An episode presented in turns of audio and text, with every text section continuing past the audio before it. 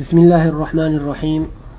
إن الحمد لله نحمده ونستعينه ونستغفره ونتوب إليه ونستهديه ونعوذ بالله من شرور أنفسنا وسيئات أعمالنا.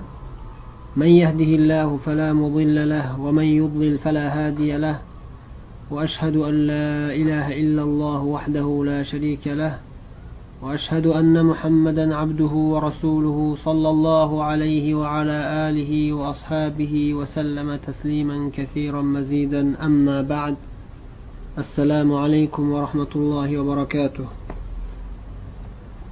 محترم طالب علم برادرلر العقيدة الطحاوية matnidan o'tayotgan darsimizni davom ettiramiz o'tgan darsimizda jannatda alloh taoloni mo'minlar ko'rishlari haqida suhbatlashgandik mana shu masalaga taalluqli imom tahoviyning so'zlarini o'qib qisqaroq sharhlab o'tgandik.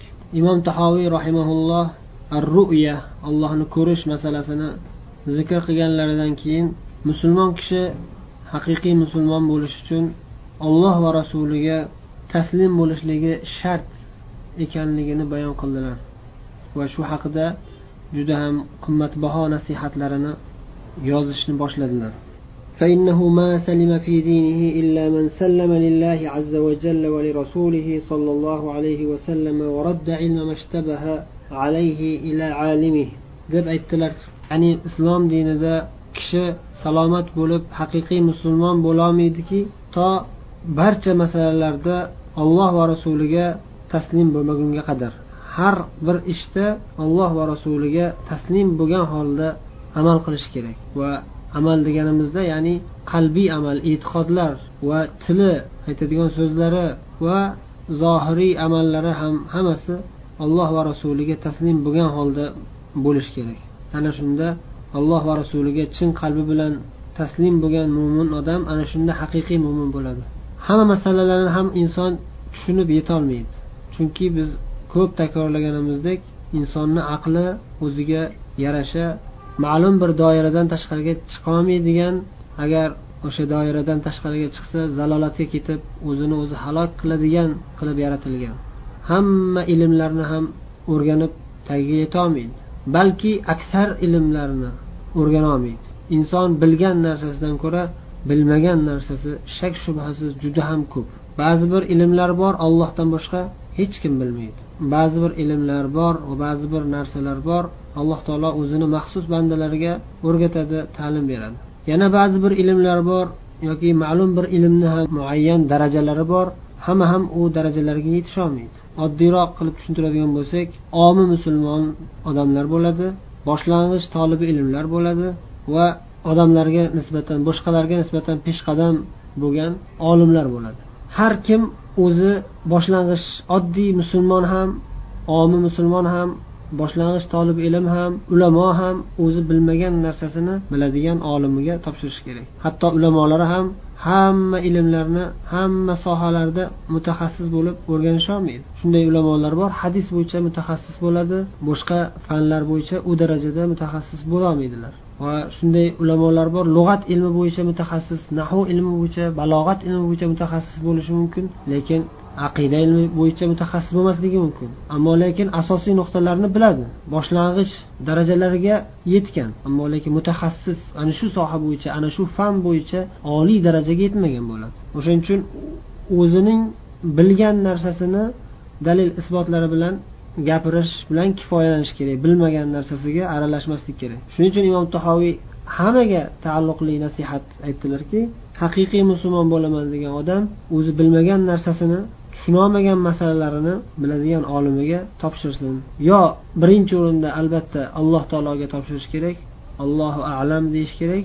Agar ilmi g'ayb g'ayb ilmiga dohil masala bo'lmasa ma'lum bir muayyan ulamolar ma'lum bir sohalarda mutaxassis ulamolar biladigan masala bo'lsa o'sha ulamolarga topshiradi borib o'shalardan so'raydi yoki o'zini ilmi unga tushunishga ham yetmaydigan bo'lsa so'ragan bilan tushunaverish ham har doim ham amalga oshavermaydi ya'ni tushunmagan narsasini borib so'ragani bilan unga sharhlab berilsa tushunib ham ketaverishi oson bo'lmasligi mumkin. Shuning uchun tushunmaydigan bo'lsa ishtiboh tug'ilaveradigan bo'lsa man tushunmas ekanman deb o'zini qadrini bilishi kerak. unga ishtiboh bo'lib yaxshi tushunolmagan masalalarini ilmini o'sha masalani biladigan olimiga qaytarsin dedilar. Ya'ni o'shanga topshirsin dedilar. Imom ibn abil iz rahimaulloh sharhda aytadilar mana shu nuqtani sharhlayotganlarida haqiqiy musulmon bo'lish uchun imom tahoviy aytganlari haqiqiy musulmon bo'lish uchun olloh va rasuliga taslim qilish taslim bo'lish kerak. Olloh va rasuliga topshirish kerak dedilar. Mana shuni ya'ni فهما توحيدان لا نجاة للعبد من عذاب الله إلا بهما توحيد المرسل وتوحيد متابعة الرسول فلا يحاكم إلى غيره ولا يرضى بحكم غيره mana shu olloh va rasuliga topshirsin degan so'zlari ikkita tavhid deyaptilar ya'ni allohga topshirish la ilaha illalloh deb guvohlik bergan odamni vazifasi allohdan boshqa hech qanday iloh yo'q deb allohga topshirgan odam bandachilikni allohga bajargan odam ya'ni yolg'iz allohning bandasi bo'lib haqiqatdan allohga bandachilik qilib yolg'iz allohga sig'inadigan odam bilmaydigan tushunmaydigan narsalarini ham allohga topshiradi. Faqat namoz zakot ro'za zohir ibodatlarni allohga bajaramizu. Ilm masalalarida allohga topshirmasdan o'zimiz xohlagandek chegarasiz kallamizni ishlataveramiz.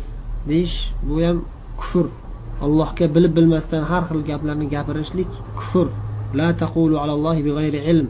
Bilib bilmasdan gapirishlik alloh taologa tuhmat bo'ladi. Faqat diniy ilmlarda emas hatto dunyoviy ilmlarda ham.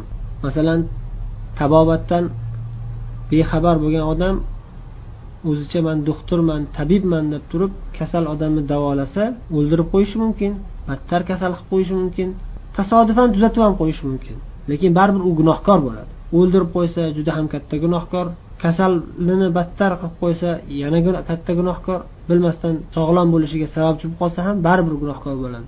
Bilmagan o'qimagan o'rganmagan ilmiga aralashib doktorlik qilganligi uchun gunohkor bo'ladi. Bu ham alloh taologa bilib bilmasdan gapirishlikka kiradi. Nafaqat diniy ishlarda. Diniy ishlarda eng birinchi o'rinda. Ya'ni alloh taolo ruxsat bergan mana shu o'liklardan biz madad so'rasak bo'laveradi desa bu eng katta gunoh. Lekin alloh taologa bilib bilmasdan gapirishlik darajasi har xil.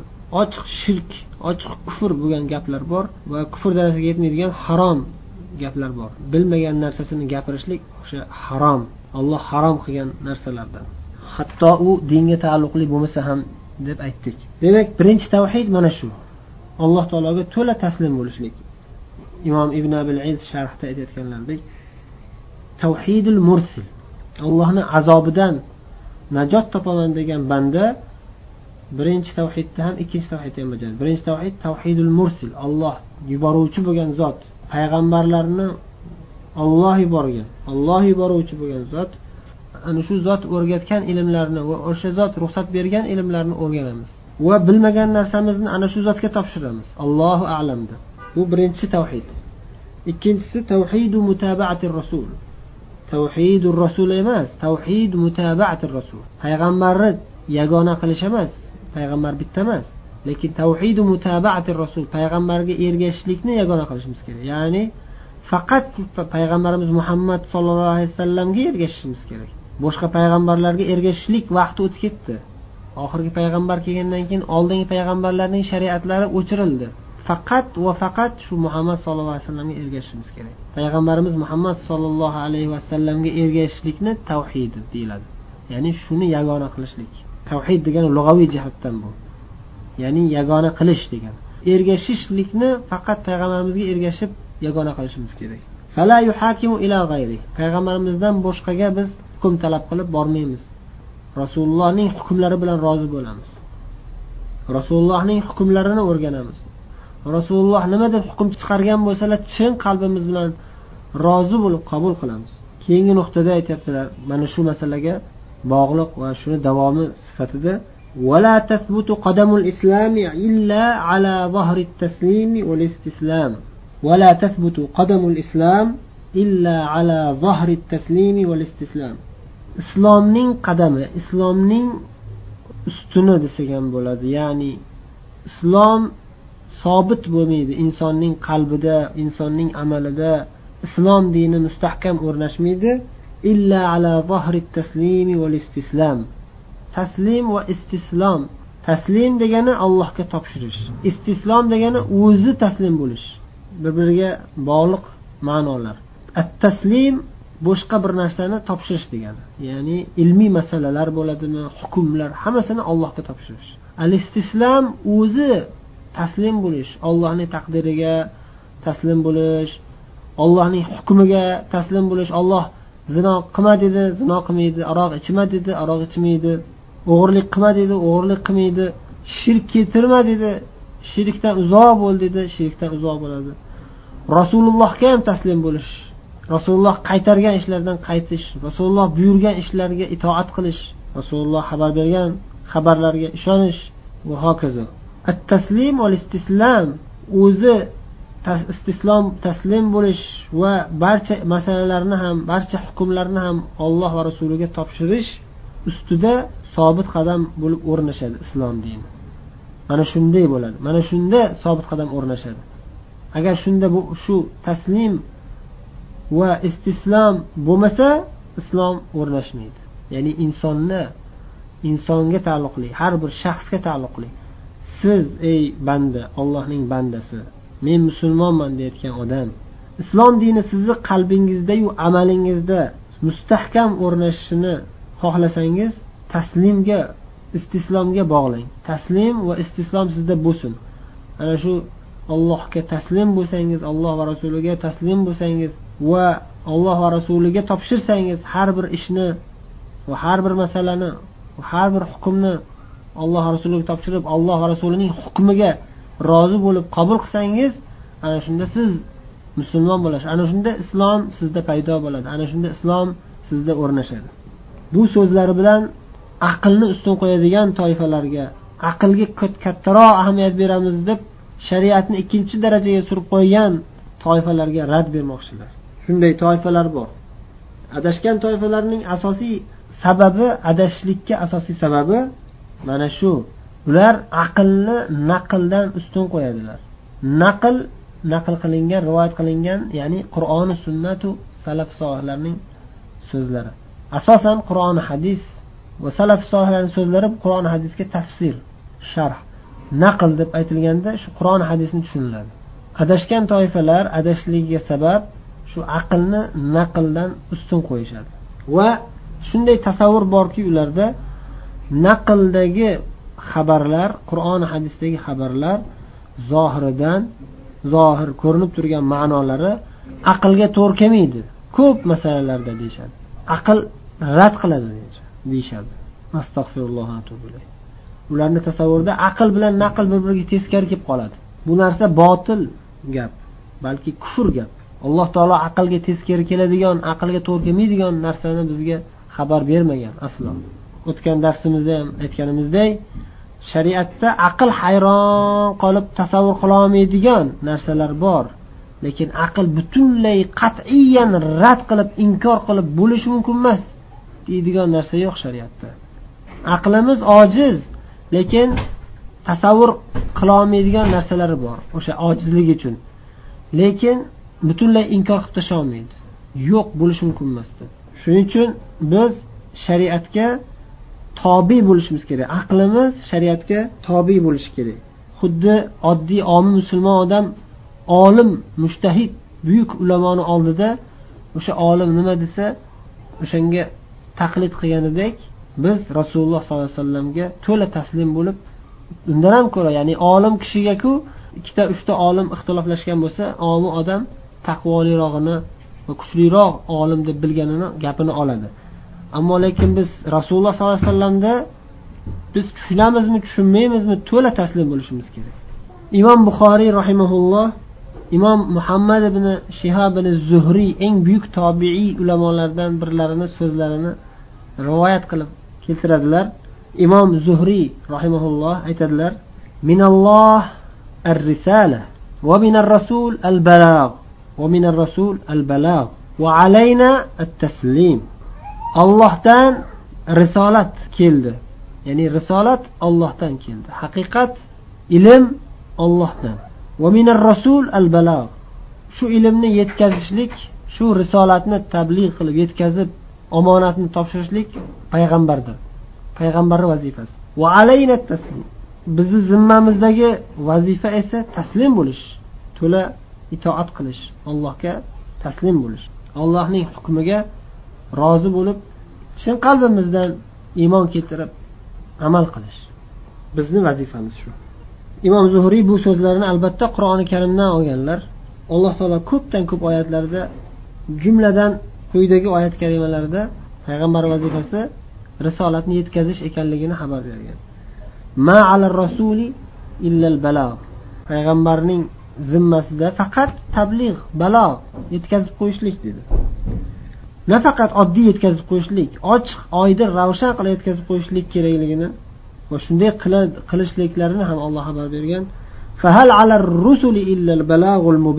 Payg'ambarlarni zimmasida ochiq oydin yetkazib baloq yetkazib qo'yishlikdan boshqa nima bor vazifa?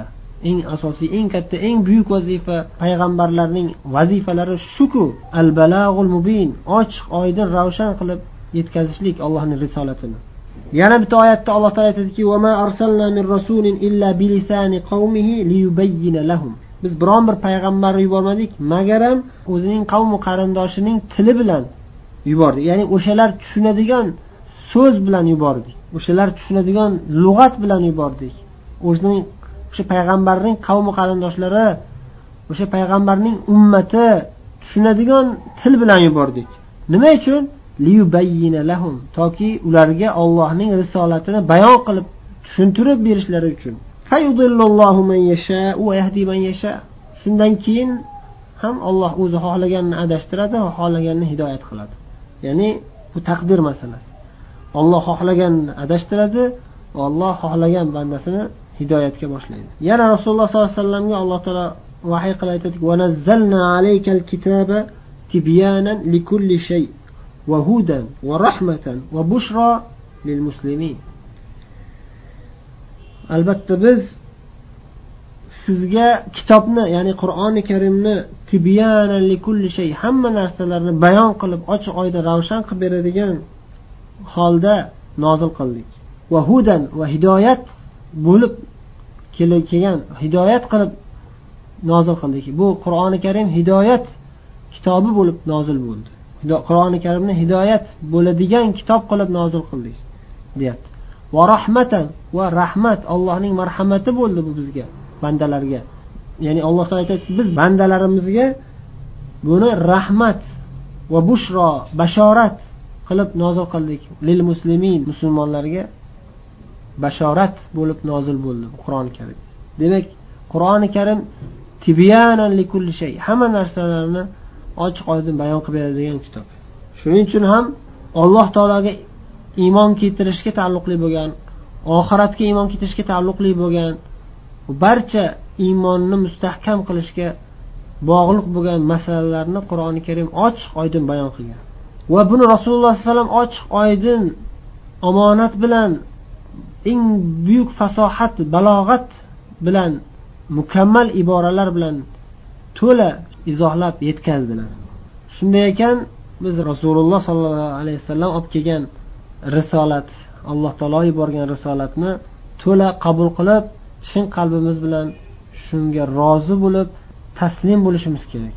Va barcha ilmiy masalalarni ham alloh taologa topshirishimiz kerak rasulullohga topshirishimiz kerak qur'on hadisga topshirishimiz kerak va ana shu qur'on hadisni eng mukammal tushungan ajdodlarimiz salaf sahobiy kiromlar va tobiinlar va buyuk butun islom ummati e'tirof etgan ulamolarni yo'llaridan yurishimiz kerak فمن رام علم ما حضر عنه علمه ولم يقنع بالتسليم فهمه حجبه مرامه عن خالص التوحيد وصافي المعرفة وصحيح الإيمان yana endi imom tahoviy buni teskarisini aytyaptilarki kimki shuni teskarisiga kirib ketsa alloh va rasuliga taslim bo'lish o'rniga uni aksini tutib bunga teskari yo'ldan yurib qaytarilgan ilmlarga aralashib olloh bu narsani bilmaysizlar sizlar bu narsaga aralashmanglar degan narsalarga o'zini aralashtirib olloh rasuliga taslim bo'lishga uning aqli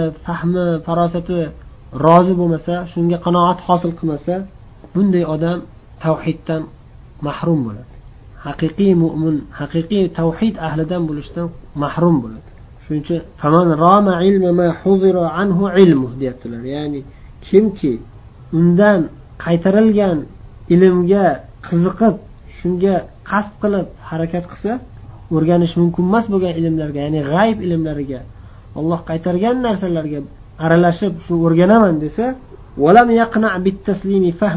fahmu. Idroki uning aqlu zakovati o'zicha mani aqli zakovatim kuchli deb olloh rasuliga taslim bo'lishga qanoat hosil qilmasa uni ko'zlagan maqsadi mana shu yurgan tutgan yo'li uni xolisi tavhiddan sof mukammal tavhiddan to'sib qo'yadi. Hajabahu ya'ni to'sib qo'yadi. Vasofil ma'rifa to'g'ri sof ilmdan ma'rifatdan to'sib qo'yadi. Haqiqiy ilmdan mahrum bo'lib qoladi. Va sahihil iymon va to'g'ri iymondan ya'ni sog'lom mukammal iymondan ham to'silib qoladi deyaptilar.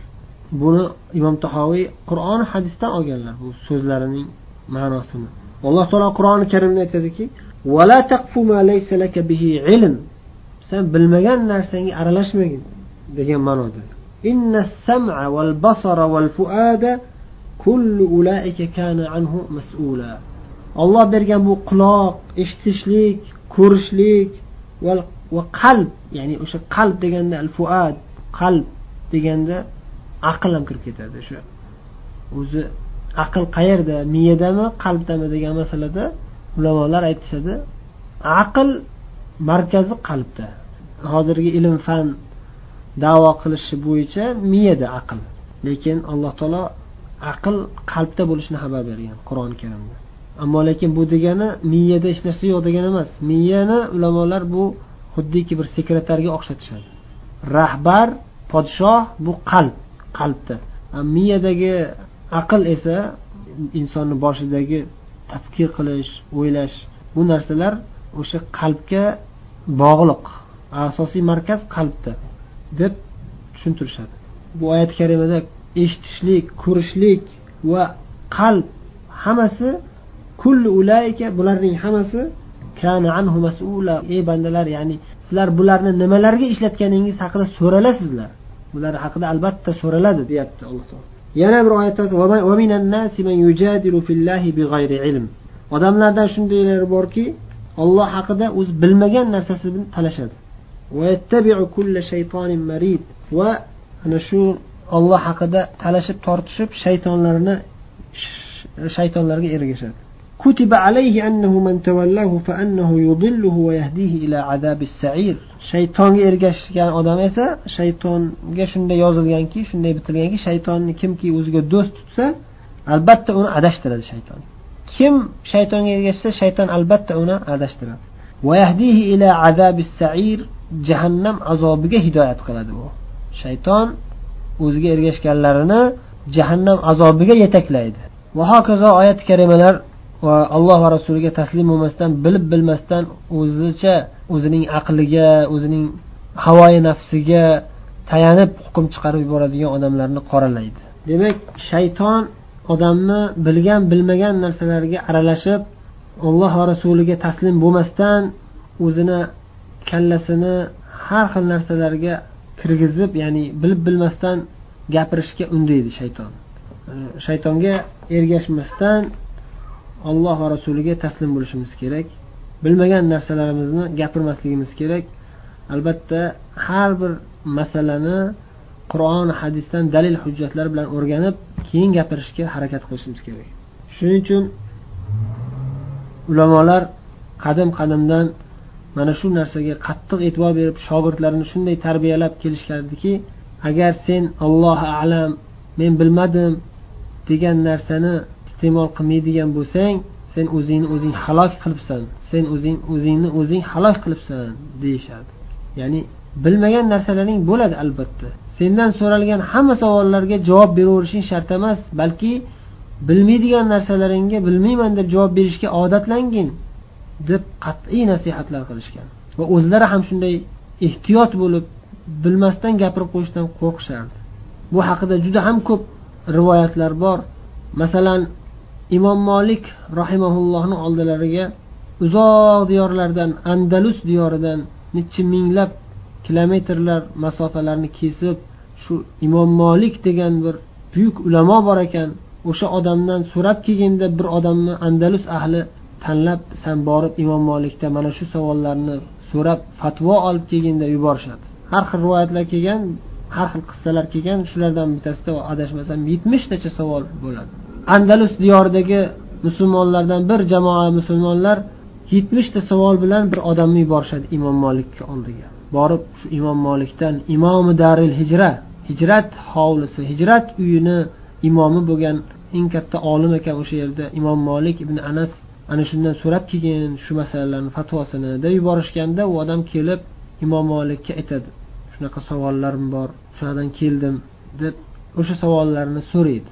Shunda imom molik qirq sakkiztasiga javob bermas ekanlar. Bilmadim derkanlar. Qirq sakkizta savolga bilmadim derkanlar. Shunda ey imom men qayerdan kelganimni bilib turibsizmi? Men andalusdan keldim. U yerdagi musulmonlarga borib nima deyman axir? Shuncha savollarimga javob bermadingiz. Nima deyman axir ularga borib? Javob bering deb gapirib bering. Nima bo'lsa ham shuni ilmini o'rgating bizga deb qattiq gapirgan iltimos qilganda imom molik aytadilarki andalus ahliga borib molik bilmas ekanda aytib qo'ygin man bilmayman dedilar. Shunday bo'lishgan. Uyalishmasdi ular. Balki ollohdan uyalishardi bilmasdan gapirishga. Ollohdan qo'rqishardi bilmasdan gapirib qo'yishdan. Qattiq qo'rqishardi. Odamlar nima deydi mani shuncha yil ilm olib shu masalani bilmabdida shu masalani ham bir oddiy masalaku u deb odamlar mandan ko'ngli tushib ketadi. Bu odam olim emas ekan bu odam hech narsani bilmas ekan deb o'ylaydi degan narsalar umuman ularni hayollariga ham kelmas. Aslo ular olimman deb ham davo qilishmagan. Alloh taolo barchalarimizga mana shunday taqvo nasib qilsin biz. Allohdan qo'rqib bilib bilmagan narsasini gapirib tashlayveradiganlardan qilib qo'ymasin alloh taolo.